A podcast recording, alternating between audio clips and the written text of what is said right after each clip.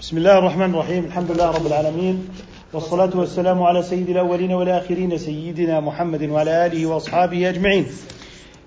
نحن في هذا اليوم الأحد غرة شعبان لسنة أربعين وأربعمائة وألف للهجرة. الموافق السابع من شهر نيسان لسنة تسعة عشرة وألفين للميلاد. وقد وصلنا إلى باب جمل. من كتاب الرسالة لابن أبي زيد القيرواني. وباب جمل لابن أبي زيد من خصائص المذهب وهو من محاسن التأليف. فبعض المسائل تكون مشتركة بين أبواب شتى. فلا يريد المصنف أن يجعلها تحت باب واحد لأن لها تعلقا بأبواب أخر. فلذلك يلجأ إلى باب جمل. ونحن نقول إن الفقه أربعة أرباع. العبادات والمعاملات والقضاء والجنايات. ويسمى هذا الباب الذي يجمع شتات المسائل بكتاب الجامع أو بباب الجامع وهي المسائل المشتتة. التي لا تناسب غيرها من الأبواب المتقدمة. واراد ابن أبي زيد في الباب الجامع أن يجمع عيون المسائل التي يريد أن يؤكدها في ذهن الطالب. فهو كأنه قد قال له أحدهم هذا الكتاب طويل وقد ألفته للصغار ولا يقوى عليه الكبار.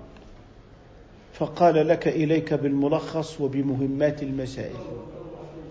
يعني عندما نكتب بحثا يطلب منك أن تكتب ملخص البحث وهو موجز لما في البحث ومن قرأه يكون قد ألم بمحتوى البحث. وعليه نقول إن هناك منهجية علمية لدى مشايخنا وعلمائنا في تعليم التصنيف والبحث والدرس.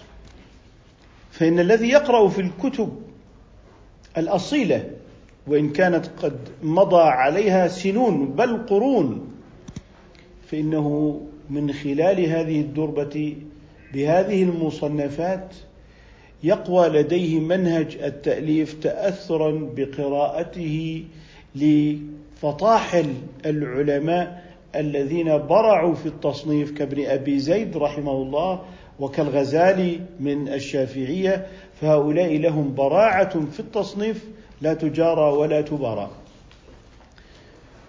وابن أبي زيد وهو يتحدث في الفقه كأنه ماء جار سلسبيل لا وعرة فيه كوعرة المختصرات فإنما يتكلم ويتكلم في الفقه بسجية وكأنه مطبوع بهذا العلم وهو مطبوع بسيولة القلم وانسياب الفكر. فأنت وأنت تقرأ له يراه بعضهم أنه يكرر لكنه لا يكرر اعتباطا إنما يكرر لنكتة علمية رأى التوكيد عليها وتكرارها في موضع آخر لما تنطوي عليه من المنفعة. ولذلك نحن في هذا الباب سنجد أن الإمام قد جمع لنا عيون المسائل المتقدمة التي تحدث فيها ليقول للطالب إن كان قد كثر عليك ما مضى فخذ هذه واشدد يدك بها. طيب نحن كذلك إذا أردنا أن نعلم من أراد الاختصار كحلقة مسجد وليست لهم نفس صبورة على التلقي فنقول لهم اذهبوا إلى باب جمل. إلى باب جمل. بمعنى أننا نؤكد عيون المسائل. لا أن تبدأ معهم بالمجموع في الفقه الشافعي فيحيا أناس ويموت أناس خلال عشرين عاما وأنت ما زلت في كتاب الجنازة. لذلك نحن نتكلم في مصادر علمية مدروسة جرت عليها الأمة في تخريج كبار العلماء والفقهاء سواء كان ذلك في النحو أم في الصرف أم في الفقه أم في الأصول. فلا يعيينا وضع المناهج. أما اليوم فقد أعيا الأمة أناس في منهج للصف الرابع والخامس لم تعد تدري كيف تكتب منهجا حتى في الدين حتى في العلوم. وشعب ومناهج وخطط كبرى فيما يتعلق بوضع المناهج. ولذلك نحن أمة المناهج فلنا مناهج للمبتدئين والمتوسطين والمنتهين سواء كان في اللغة أم في الفروع في الفروع أم في القواعد أم في الأصول وكلها بعضها متراكب مع بعض. فمن درس في هذه المنهجية متدرجا في هذه المدرسة من الأخضر ثم إلى ابن عاشر ثم إلى الرسالة ثم إلى الشرح الصغير ثم إلى خليل في الفروع ثم بعد ذلك القواعد للونشريسي ثم بعد ذلك إلى المنهج المنتخب في شرحه على لمية الزقاق وتكميل ميارة ثم بعد ذلك ينتقل إلى دراسة آه، الأصول آه، الأصول لها رتب أيضا يبدأ بنظم ابن أبي كف ثم ينتقل نقلة نوعية إلى مراقي السعود ثم إلى مرتقى الوصول لابن عاصم إن أراد. ثم بعد ذلك يذهب إلى تخريج الفروع على الأصول ثم إلى دراسة روايات المذهب وبعد أن يدرس روايات المذهب يصبح متقنا لمسائل المذهب بدقائقه وبتفاصيله. ويكون قد انطبع بمنهج التعليل ومنهج المقاصد لأن هذه الفروع هي محملة بكل ما يمكن أن يكون في الشريعة من معان ومقاصد وعلل وحكم فمن أتقن الفروع أتقن المقاصد. ومن أتقن علل الفروع أتقن فهم الشريعة. لا أن تأتي المقاصد عبارة عن ثقافة عامة يحسنها كل أحد. أو حديثا عن المصلحة والمنفعة بصفة عامة لا يختلف فيها من قرأ الفروع والأصول عمن لم يدري عن ذلك شيئا. لأنه يتكلم في مقاربات فكرية لا تنضبط إذا كانت خارج دلالة النص. فعلم المقاصد والمآلات إذا كان خارج قواعد الأصول وكان خارج قواعد دلالة النص فهو كلام يقترب من الإعلام أكثر من اقترابه من الفقه والأصول وهذا يجيده كل أحد. فلذلك ترى المقاصد بضاعة لمن لا بضاعة له ويتكلم بها من يشاء ما شاء كيف يشاء دون أن يجد له من يضبط ذلك أو يربط أو يقعد أو آه، يعني يقول له هذا صواب أم ليس بخطأ. نظرا لانفلات المقاصد من أصول الشريعة وتحولها إلى مقاربات المنفعة ومقاربات الواقع في معزل عن الشريعة.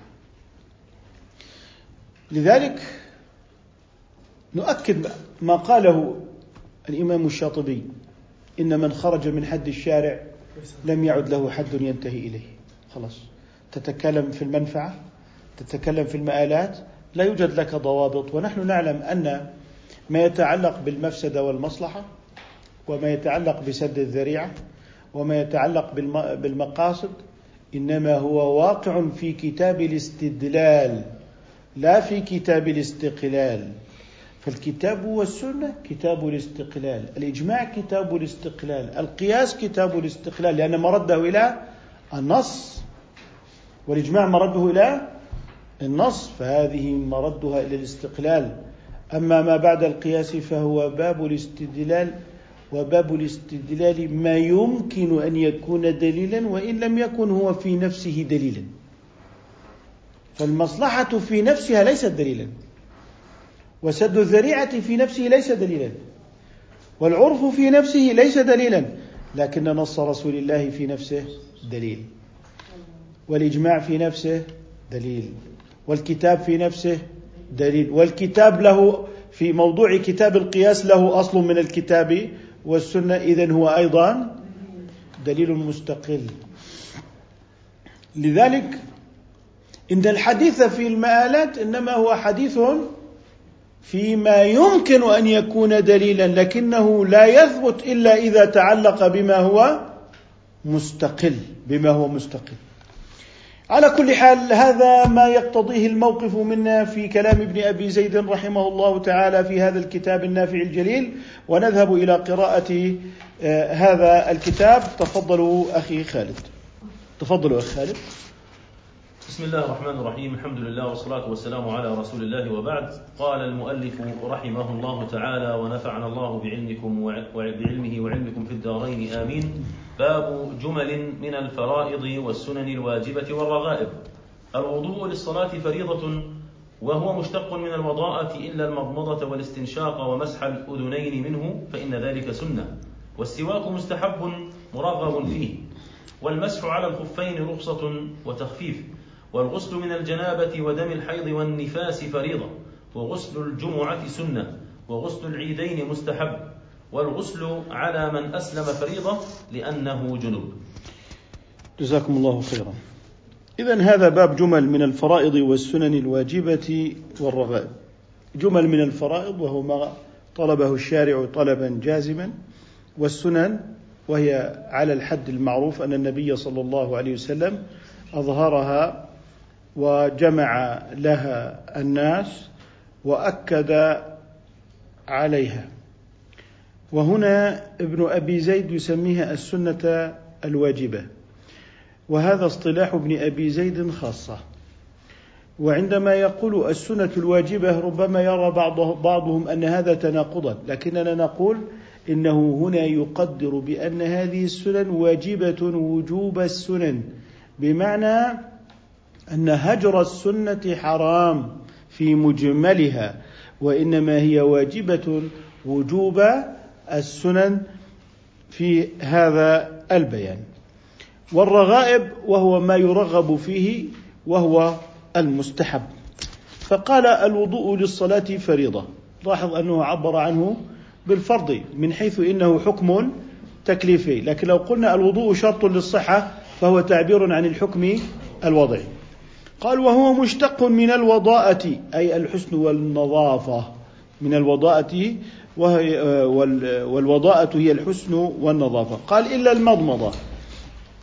أي هو أي هو فرض إلا المضمضة فإنها ليست بفرض والاستنشاق. والمضمضة خض الماء في الفم ثم مجه. والاستنشاق جذب الماء بالنفس إلى داخل الأنف. ثم قال ومسح الأذنين منه فإن ذلك سنة. فعبر عن هذا بالسنن وأن مسح الأذنين سنة. قال والسواك مستحب. إذا انتقل إلى ما هو أقل رتبة من السنة ألا وهو الاستحباب. قال والسواك مستحب. والسواك كما ورد في الحديث عند عن النبي صلى الله عليه وسلم ولولا أن أشق على أمتي لأمرتهم بالسواك عند كل صلاة فالمالكية يفهمون ذلك أن كل صلاة أي عند كل وضوء أي أنه مندوب عند الوضوء من أين لكم ذلك؟ قال تعالى يا أيها الذين آمنوا إذا قمتم إلى الصلاة وهو قام إلى الوضوء أم إلى الصلاة؟ بل قام إلى الوضوء إذا عند كل صلاة أي عند كل وضوء وموضع السواك هو عند الوضوء وليس أمام الناس لأنه آه، في آه، هذا الأمر يحتاج إلى البصاق وما إلى ذلك وهذا لا يليق بالمسجد وبحضرة الناس. فإن تسوك فنحن لا نقول إن ندبيته هنا يكره في المسجد لا نقول ذلك لكننا نقول إن معنى آه، لأمرتهم بالسواك عند كل صلاة أي آه، عند الوضوء. والسواك معناه التدلك. معناه إيه؟ التدلك وهو حاصلة بفرشاة الأسنان وحاصل بالإصبع وحاصل بعود الأراك. فمن من آه، تسوك بإصبعه ونوى الاقتداء فقد أصاب السنة وهو إيه؟ مأجور. ومن تسوك بعود الآراك ولم ينوي الاقتداء فلا شيء له. إنما لكل امرئ ما نوى. فحصول القدوة إنما هو بنيتها مع التدلك. والتدلك يكون بأي أداة. فلذلك نرشد أبناءنا وأهلنا إلى نية الاقتداء عند استخدام فرشاة الأسنان واضح؟ طيب. إذا طيب فأنت سوك بعود الأراك بنية الاقتداء فهذا فضل جديد فهذا فضل جديد. ولكن اشتراط الندبية والتسوك لا يتوقف على عود الأراك بل يتوقف على الاشتقاق في كلمة السواك ومعنى السواك التدلك. قال مستحب اللي هو السواك مستحب. مرغب فيه والمسح على الخفين رخصة. ومعنى الرخصة النعومة والتخفيف وشرعا إباحة الشيء الممنوع مع قيام السبب المانع. وما معنى السبب المانع؟ اللي هو الخطاب الشرعي الذي اقتضى الوجوب. فمن شهد منكم الشهر فليصمه هل هو منسوخ أم محكم؟ محكم. طيب والفطر في نهار رمضان للمسافر؟ رخصة لقيام السبب الآمر بالصوم المانع من الإفطار لذلك نقول إنه رخصة. لكن الخمس صلوات عزيمة أم رخصة؟ الخمس صلوات عزيمة. لماذا؟ لأن الخمسين قد نسخت. لأن الخمسين قد نسخت. فالسبب الأصلي غير قائم وإنما السبب الأصلي هو الصلوات الخمس والأمر بالصلوات الخمس. إذا لما قال هنا مع قيام السبب المانع يريد أن يحترز من النسخ بمعنى انها هذه بمعنى حالة الإفطار في السفر تفطر مع قيام السبب المانع من الفطر وهو الأمر بالصوم في قوله تعالى فمن شهد منكم الشهر فليصمه. أما لو كان منسوخا فعندئذ لا يكون رخصة بل يكون حكما أصليا ولا ينطبق عليه وصف الرخصة من حيث الأحكام وهو أنه مستثنى من أصل. قال رخصة وتخفيف أي تسهيل على الناس. وانظروا إلى هذه اللغة الأدبية في عالم الفقه وعالم التلطف والرحمة والتدريس الفقهي الذي يعني يختلط فيه الحكم بالعاطفة التي يعني ينظر فيها المرء إلى رحمة الله وعفوه. قال والغسل من الجنابة ودم الحيض والنفاس فريضة لازم. قال وغسل الجمعة سنة. وعندنا الغسل لما ارتبط بالجمعة لابد أن يكون متصلا بالايه بالرواح متصلا بالرواح. للمسجد لأنه للصلاة. قال وغسل العيدين مستحب لأنه من أجل اليوم. لأنه من أجل إيه؟ اليوم. أما غسل الجمعة فهو من أجل الصلاة. قال والغسل على من أسلم فريضة لأنه جنوب. لذلك لما يؤمر الكافر الذي أسلم إذا كان بالغا فإنه يؤمر بالغسل. هل هو غسل الإسلام أم غسل جنابة؟ نحن نقول هو غسل جنابة من الجنابات السابقة. أما إذا كان صبيا فلا يؤمر بالغسل لأنه لم يصبه لم تصبه الإيه الجنابة. قال وغسل الميت سنة. وغسل الميت سنة. بمعنى اللي هو إيه؟ الميت الذي مات في غير المعركة. أما قتيل المعترك فيحرم تغسيله ويدفن بثيابه ولا يصلى عليه. ويدفن بثيابه ولا يصلى عليه. هذا الظاهر لنا ونحن نجري عليه أحكام الظاهر ونسأل الله تعالى أن يكون عند الله كذلك شهيدا. فالشهداء ثلاثة شهيد في الدنيا والآخرة. وهو قتيل المعترك في سبيل الله. قتيل المعترك في سبيل الله. فهذا في الدنيا تجري عليه أحكام الشهادة وهو في الآخرة بفضل الله تعالى من الشهداء. أما المنافق فهو شهيد في الدنيا وليس شهيدا في الآخرة. فالله أعلم بنيته. ويلاحظ هنا أن نية الجهاد أن يكون في سبيل الله ولغاية أخروية مغيبة عن العبد فهو يتلف نفسه في سبيل الله لا يريد شيئا من أشياء هذه الدنيا وحطامها وإلا لفسد الجهاد وإلا لفسد الجهاد. أما في القتال في ظل الدولة التي اللادينيه في الفكر اللاديني فإن الهدف الاخلاقي آفة من آفات الحرب. بل إن الغاية من الحرب هو تحقيق المكاسب والمنافع الدنيوية المؤقتة. ولذلك شتان بين الجهاد شرعا وبين القتال في منظومة الفكر الإلحادي اللاديني الذي يقتل من أجل لعاعة من الدنيا ويمتلك الأسلحة ثم يسطو بعد ذلك بأسلحته الفتاكة على شعوب مستضعفة ويمارس النهب والسلب والسطو على الضعفاء ثم بعد ذلك يقول هذه حقوق ومصالح. بمعنى أنه عبر هذا النمط من القتال أعاد إنتاج شراسة القبيلة السابقة في ظل منظومه الدولة الحديثة. اللهم كان الفرق في الارتباط في القبيلة بقرابه الدم والآن جعلها على قرابة الجغرافيا. لم ياتي بشيء جوهري في حياة الإنسان إنما جاء بشيء آه، شكلي أنه بدلا من أن كان القتال غزو القبيلة للقبيلة الآن أصبح الغزو الجغرافي والحدود الجغرافية. إذا فهمنا هذا المعنى في قتيل المعترك الذي أتلف نفسه في سبيل الله عز وجل لا ينظر إلى لعاعة من الدنيا على ضوء ذلك يفسر الفتح الإسلامي ويفرق بينه وبين الاحتلال والغزو الاستعماري.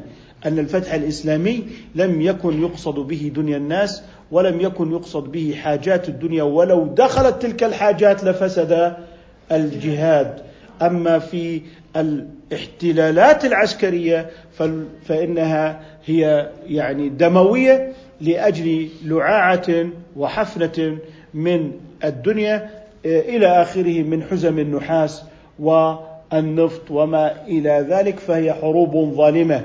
فلذلك علينا الا نستشكل الفرق بين ما هو جهاد في الإسلام أخلاقي بنسبة مئة في المئة لأنه لله. لذلك كان الفتح الإسلامي رحيما وهو باق.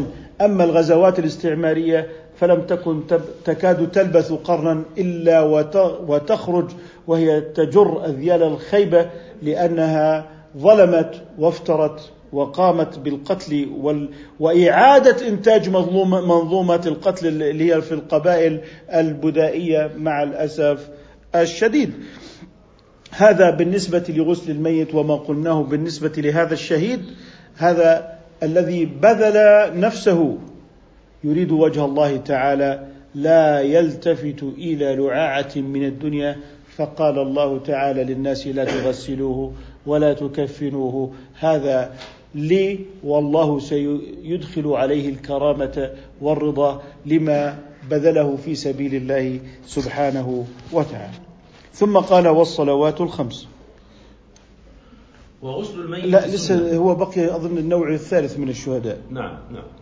آه. آه بقي النوع الثالث من الشهداء فلو تذكرنا به آه. بارك الله فيكم طيب النوع الثالث من الشهداء هو شهيد الآخرة وليس شهيد الدنيا بمعنى في الآخرة هو يحسب من الشهداء ولكننا في الدنيا لا نقيم عليه أحكام الشهداء بل نغسله نغسله ونكفنه ونصلي عليه كالغريق والمصاب بالطاعون وصاحب الهدم وما إلى ذلك والذي قتل دون ماله وما إلى ذلك من هؤلاء فهؤلاء أيضا شهداء لكننا في الدنيا نعاملهم آه، على أنهم كغيرهم فيغسلون ويكفنون ويصلى عليهم أما هم في الآخرة فيأتون بكرامة الشهداء إن شاء الله تعالى.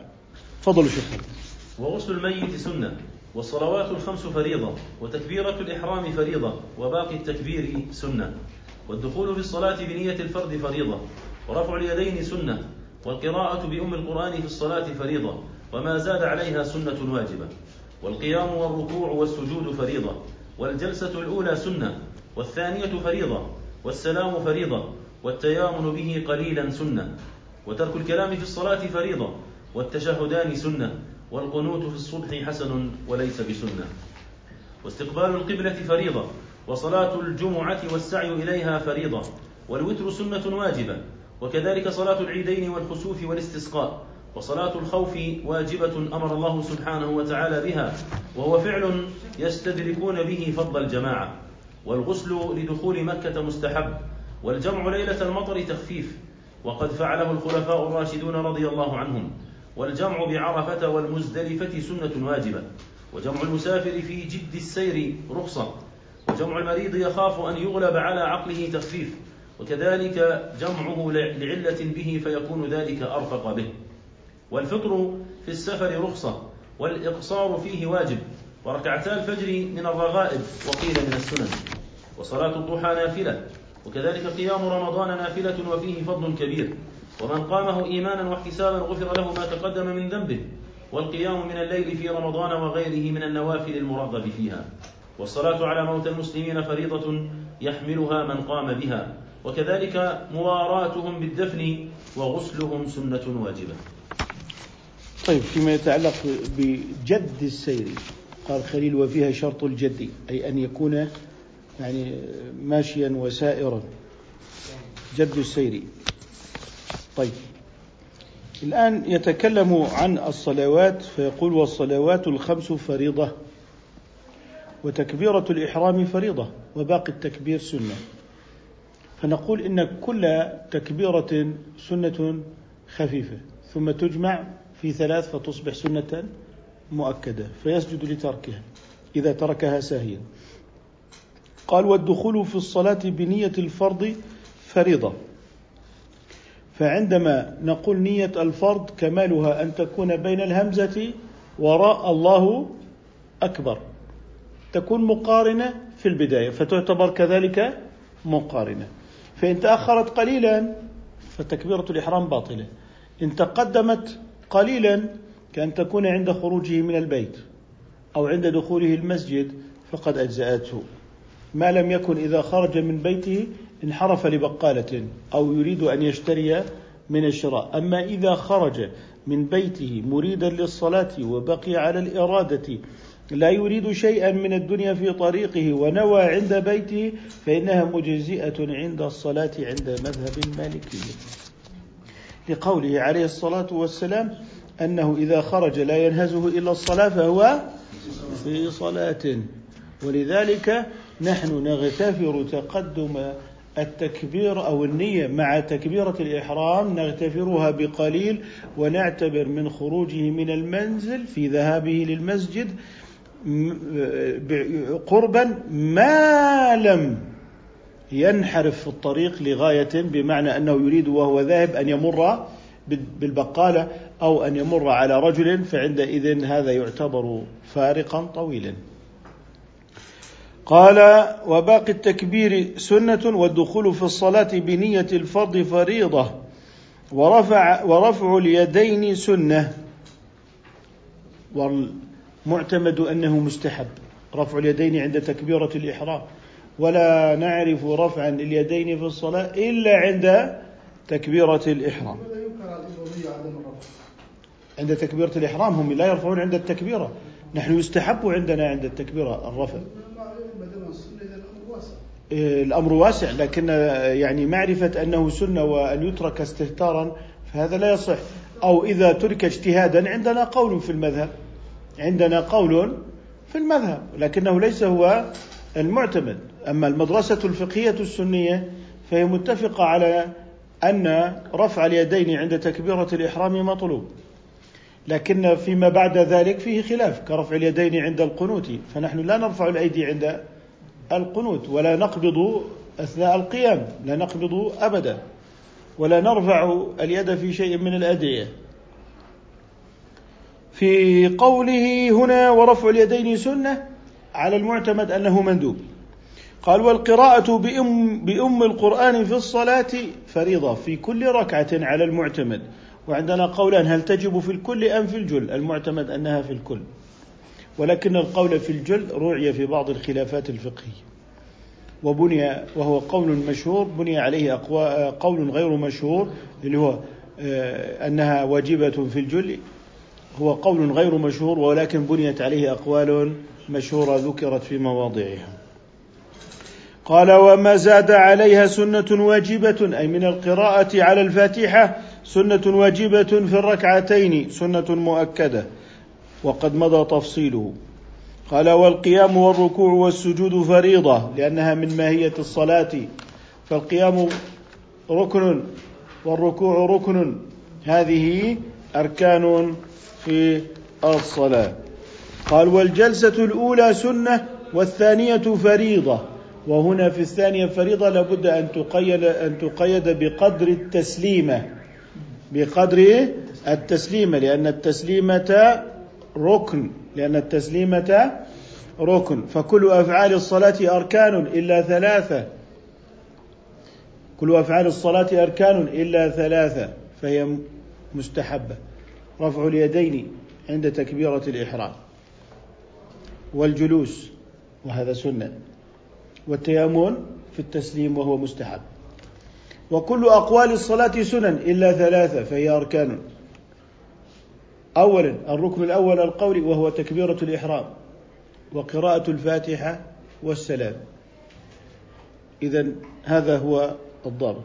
جميع أقوال الصلاة سنن إلا ثلاثة وجميع أفعالها أركان إلا ثلاثة. ثم قال والتيامن به قليلا سنة. إذا هو يتكلم هنا عما زاد عن اللي هو إيه؟ الفعل.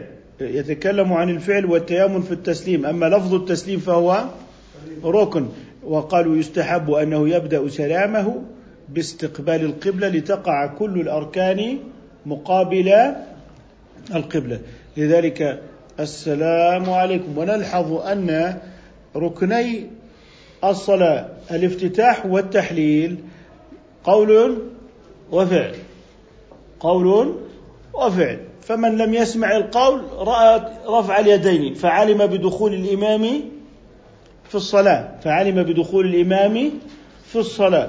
ومن لم يسمع السلام نظر إلى الإمام فعلم بالحركة أنه قد انتهى من صلاته لتراعي أن يكون تحريمك بعد انتهائه من التكبير وأن يكون ابتداء تسليمك من بعد انتهاء التسليم. فهذه علامات للإمام مشاهدة ومسموعة مشاهدة ومسموعة في الصلاة الجهرية وفي الصلاة السرية. وهذا من أسرار أفعال الصلاة التي يبدي الفقهاء فيها المناسبة.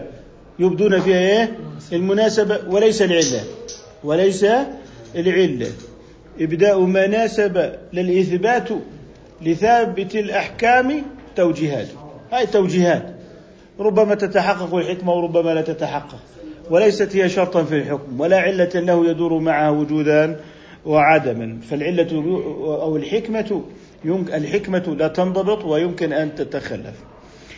قال وترك الكلام في الصلاة فريضة. يحرم الكلام فيها إلا إذا كان لإصلاحها كأن تسبح بالإمام أو أن تعلمه بخطئه.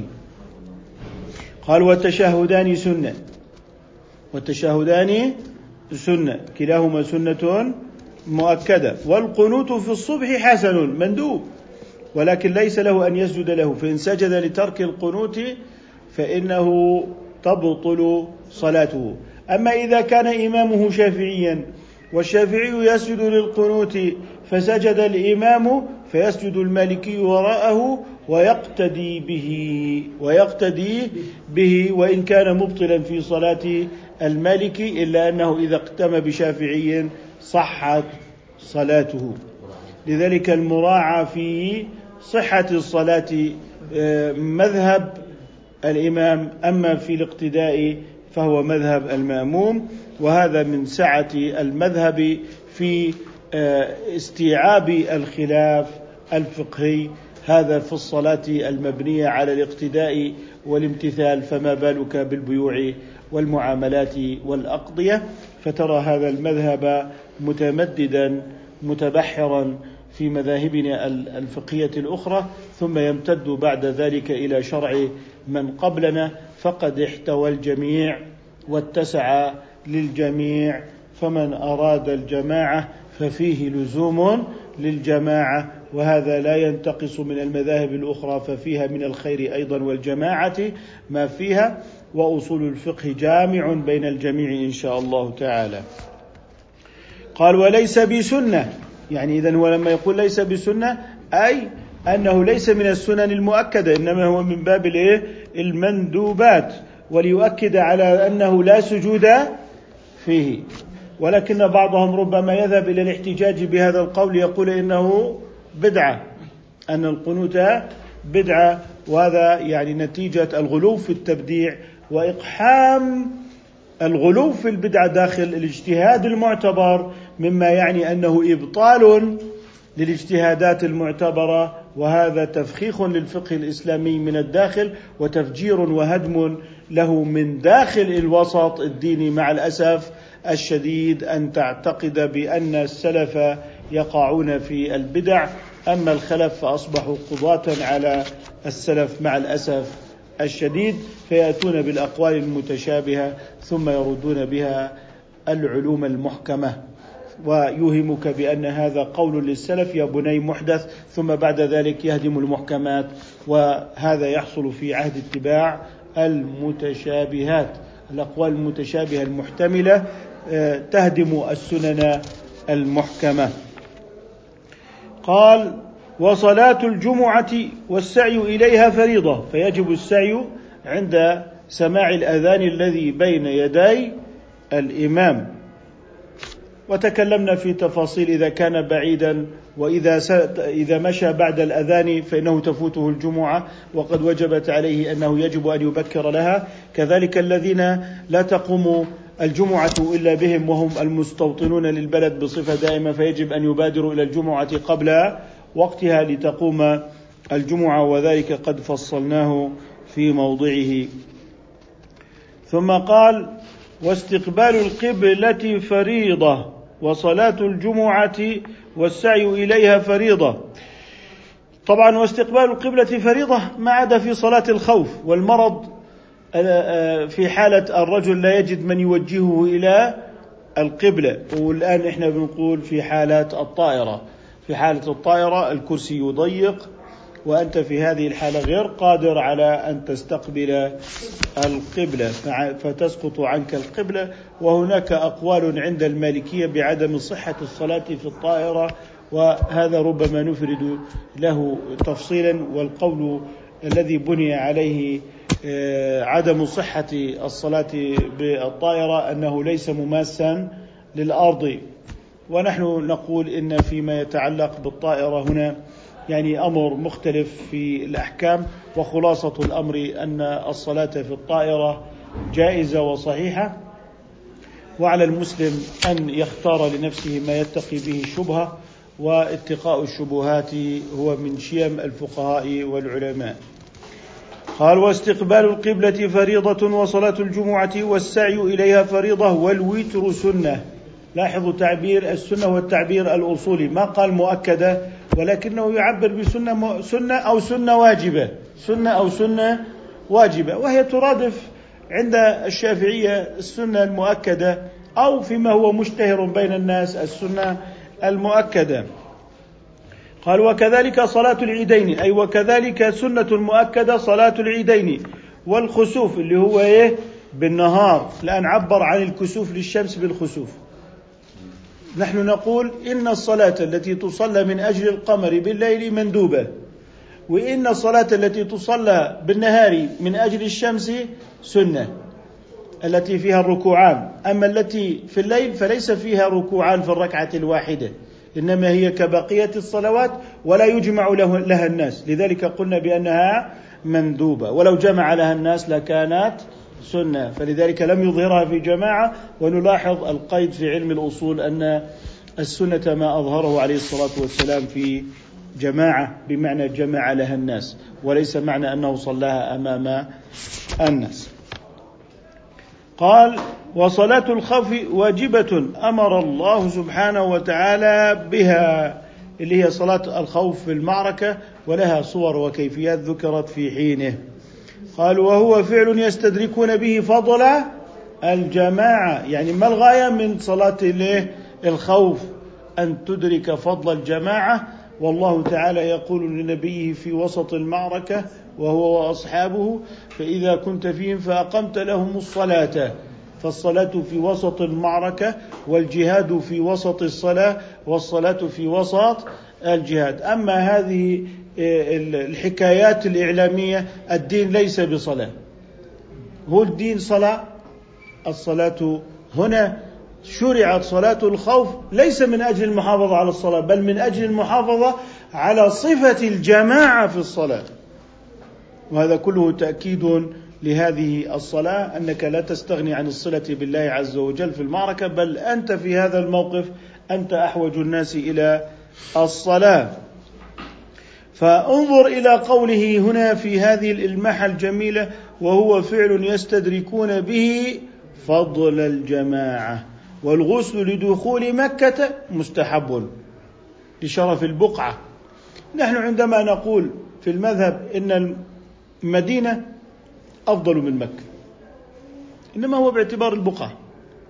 نقول إن القبر الشريف الذي ضم جسده عليه الصلاة والسلام أفضل من الكعبة فهو أفضل شيء في هذه المخلوقات لأنها ضمت الجسد الشريف وهو أفضل المخلوقات عليه الصلاة والسلام فكانت البقعة التي ضمت جسده هي أفضل الأماكن وكانت أفضل من الكعبة والكعبة أفضل من المدينة وبقية المدينة أفضل من بقية مكة وهذا التفضيل باعتبار المكان باعتبار الإيه؟ المكان. أما أمره عليه الصلاة والسلام بالرباط في الشام ولزوم الشام فهو لوصف زائد في الشام وهو الجهاد. وهو تفضيل باعتبار الإيه؟ الأعمال وأنها آه، تلك البقعة التي يقارع فيها عدو المسلمين وفيها التضحيات وفيها الذين يذهبون هناك ليكونوا درعا لهذه الأمة. فعندما نقول كيف تقولون في الأحاديث المفضلة للشام فنقول إنما فضلت باعتبار العمل.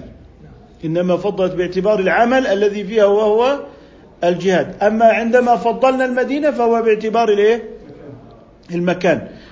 فحيث فضل المكان فكان الثواب أفضل وكان أكثر كما سيأتي. ثم قال والجمع ليلة المطر تخفيف والجمع ليلة المطر تخفيف. ونحن انظر إلى قوله ليلة. فالمطر لا يجمع فيه بالنهار. لا جمع عندنا في النهار بسبب المطر وقد مضت اسباب وشروط الجمع في المطر في أسر المسالك وكذلك في شرحنا للرسالة. قال وقد فعله الخلفاء الراشدون. لماذا يقول ابن أبي زيد وقد فعله الخلفاء الراشدون ولم يقل فعله رسول الله؟ هل هو تفضيل للخلفاء؟ هو أراد أن يقول لك إنه ليس بمنسوخ. إنه ليس بمنسوخ. فإذا فعله الخلفاء الراشدون فمعنى ذلك أنه محكم ولا اعتذار لك بالايه بالنسخ. فملحظ الخلفاء الراشدين هنا نجاة لنا أنهم يعلمون الناسخ والمنسوخ ولذلك عمل أهل المدينة لا يتطرق إليه النسخ ولا التخصيص ولا التقييد فكان فيما هو من باب التوقيف حجة محكمة من حيث إنه نقل متواتر لا من حيث إنه إجماع. فنحن نفرق بين كون عمل أهل المدينة متواترا وبين كونه إجماعا.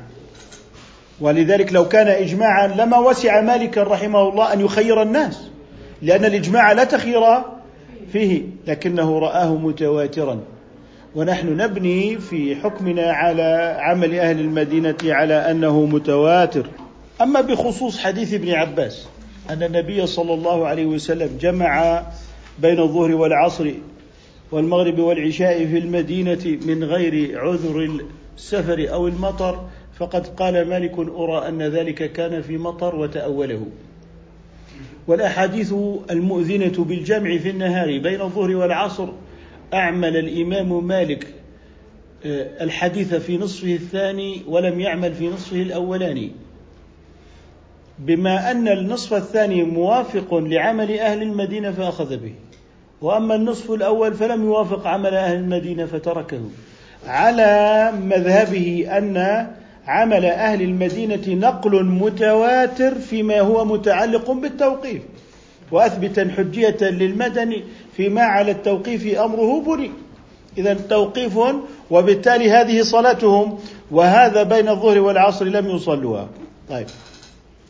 الآن أراد أن لا يحرج أمته يقول يقول آه، الإمام الترمذي في السنن بعدما أن أورد هذا الحديث الصحيح وهو يرويه مسلم وبعد أن ذكر حديث ابن عباس إن من صلى صلاة في غير وقتها فقد أتى بابا من الكبائر فأتى بالحديث الضعيف وقال عليه عمل الفقهاء وقال عليه عمل الفقهاء. أما الحديث الصحيح فعندما تكلم في علل الجامع قال وكل ما ذكرته في هذا الكتاب عمل به بعض الفقهاء ما عدا حديثين. حديث ابن عباس. هذا وحديث قتل شارب الخمر في المرة الرابعة. فعمل الأمة مقدم على الخبر بإجماع. عمل الأمة مقدم على الخبر بإجماع وقد تكلم الإمام الشافعي في الرسالة في هذا كلاما دقيقا يبث فيه علما لهذه الأمة. إن هناك من الأمور الدينية. حكتها الأمة فعلا بعد فعل ولم تحكها سندا ونقلا على أنها أخبار. وهذه الأمة لا تجتمع على غير السنة. ولذلك هذا هو السند العملي في الدين. الذي قالت به الأمة هو في صلب مذهب مالك في عمل أهل المدينة. فعمل الأمة متواتر وعمل أهل المدينة متواتر. ونحن نعلم أن المتواتر والمتواتر لا يتفاوتان في القطع. فكلاهما قاطع. فسند الأمة في العمل هو سند مالك. ومن قال بقول مالك يقول بسند الأمة. ومن قال بسند الأمة فهو يقول بقول مالك. ولذلك في بنائه الحكم الفقهي على العمل كما ذكرنا في الجمع فإنه عليه العمل. وكان ابن وهب يقول لولا مالك والليث لضللت. تكاثرت علي الأحاديث. حتى قال لي مالك والليث خذ هذا خذ هذا ودع هذا. فقد كنت أحسب أن كل سنة يفعل بها. كنت أظن انه كلما وجدت حديثا يفعل به. فمع الأسف الشديد آه الآن طريقة آه موجودة آه يقلب صفحات السنة ثم يفتي من الحديث بالقطعة دون أن يجمع الأدلة ونشأت حالة عنده دليل. عنده دليل مع أن الاجتهاد لا يعني أن عنده دليل بل لابد أن يكون الاجتهاد جمعا وترجيحا. فالاجتهاد هو الجمع والترجيح جمع بين الأدلة. لماذا نشأت فرقة الخوارج؟ حد نصوص الوعيد. لماذا نشأت فرقة المرجئة؟ نصوص الوعد لماذا نشأت فرقة الجهمية؟ ليس كمثله شيء. لماذا نشأت؟ ما دليل المجسمة والكرامية؟ ما دليلهم وهو السميع البصير. فأصبحت الآن في مسجدك وأنت تصلي ترى المشركين من عباد القبور الذين يزورون قبر جعفر خمس صلوات في اليوم والليلة يعني كفار العرب في الجاهلية أصبحوا عندك في المسجد وسموا عباد القبور يصلون خمس صلوات في اليوم والليلة إذا نظرت خلفك وجدت الأشاعرة الجهمية ووجدت الكرامية المجسمة ووجدت المبتدعة وجدت الخوارج ووجدت. إلى آخره من مثل هذه الطبقات في بيت من بيوت المسلمين وهو في مسجدهم وقد أقحمت البدع وترسان من البدع على مساجد المسلمين فلم يعد لهم جماعة لم يعد لهم جماعة. والسبب في هذا الغلو في الظواهر. وليست الظواهر لأن الظواهر إذا تعاملت معها بالجمع والترجيح لم تؤدي إلى مثل هذه الطوائف. فإذا كان الشيعة قد أخذوا بحب آل البيت كما يزعمون ونحن نشك في هذا بل نتيقن في أن هناك استخداما لهم وتوظيفا أو أن الخوارج مثلا أخذوا بالوعيد أو أن من يسمون بالنواصب أخذوا بحب الصحابة وكرهوا آل البيت أو هؤلاء أحبوا آل البيت وكرهوا الصحابة مع أننا متعبدون بحب الصحابة ومنهم آل البيت. فلا نقيض. اذا ستجد أننا نعاني من حالة في ظواهر الأدلة حالة انشطارية هي التي أدت إلى مثل هذه الفرقة. طيب في قوله وقد فعله الخلفاء الراشدون والجمع بعرفة والمزدلفة سنة واجبة أي مؤكدة وجمع المسافر في جد السير في قول خليل وفيها شرط الجد. يعني يتكلم عن مين؟ عن اللي هي إيه؟ يعني إذا جد به السير. في جد السير رخصة وجمع المريض يخاف أن يغلب على عقله. تخفيف. بل قالوا إن المالكية الذين قالوا بجمع الصلاة للمريض الذي يغلب على عقله تثقيل وليس تخفيفا ما معنى تثقيل؟ بمعنى أنه إذا كان سيغلب على عقله بعد العصر حتى تدخل المغرب فإنه لا تجب عليه الصلاة. فإذا أذنت له بالجمع في وقت الظهر فهذا تثقيل عليه وأنت بدلا من أن كان لن يصلي أصبح يصلي. اذا ما يحكى اليوم عن المالكية بأنهم يقولون بجواز الجمع فهذا معه ديسك وهذا معه كذا وهذا معه كذا فيذهبون للجمع. وسنجد أن المالكية في الجمع الذي هو للمريض إنما هو لحماية الصلاة من الإسقاط كمن ينفلت بطنه ولم يعد قادرا على رفع الحدث. مثلا فإنه لو غابت عنه الشمس وهو غير قادر على رفع الحدث وهو من أصحاب الأعذار سقطت الصلاة. وكذلك من يغلب على عقله. اذا جاء مذهب المالكية. في موضوع جمع المريض لحماية الصلاة من الإسقاط لكن هذا ليس لمرضى الدسك وليس لمرضى الضغط وليس لمرضى إلى آخره من أولئك المرضى الذين يستبيحون بحجة إيه؟ المالكية، أما الذين يشق عليهم الوضوء يشق ولكن لا تسقط عنهم الصلاة فقد أذن لهم بالجمع الصور الصوري فتؤخر الظهر لآخر وقتها الاختياري وتقدم العصر لأول وقتها الاختياري وهكذا بالنسبة للصلوات.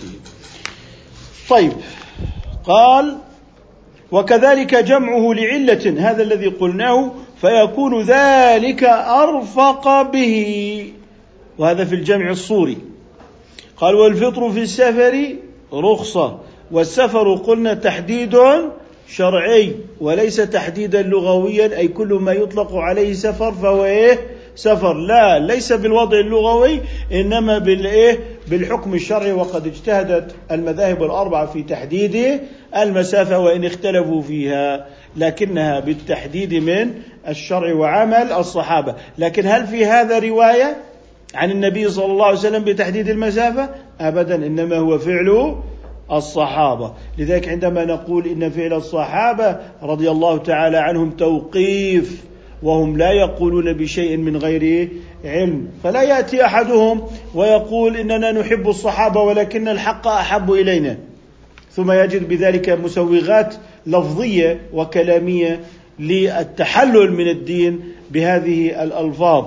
أو أن يقول والله نحب الأئمة الأربعة ولكن الحق أحب إلينا. هذا لا ينبغي ولا يصح وليست هذه هي اللغة في علم الفقه فلسنا أمام محبة أو كراهية أمام منهج علمي بحثي وقواعد آه، أصولية هي التي تحكم فنحن في الدين نأخذ من ثلاثة آه، مبادئ أساسية اللي هي المأخذ طرق الأخذ والآخذ.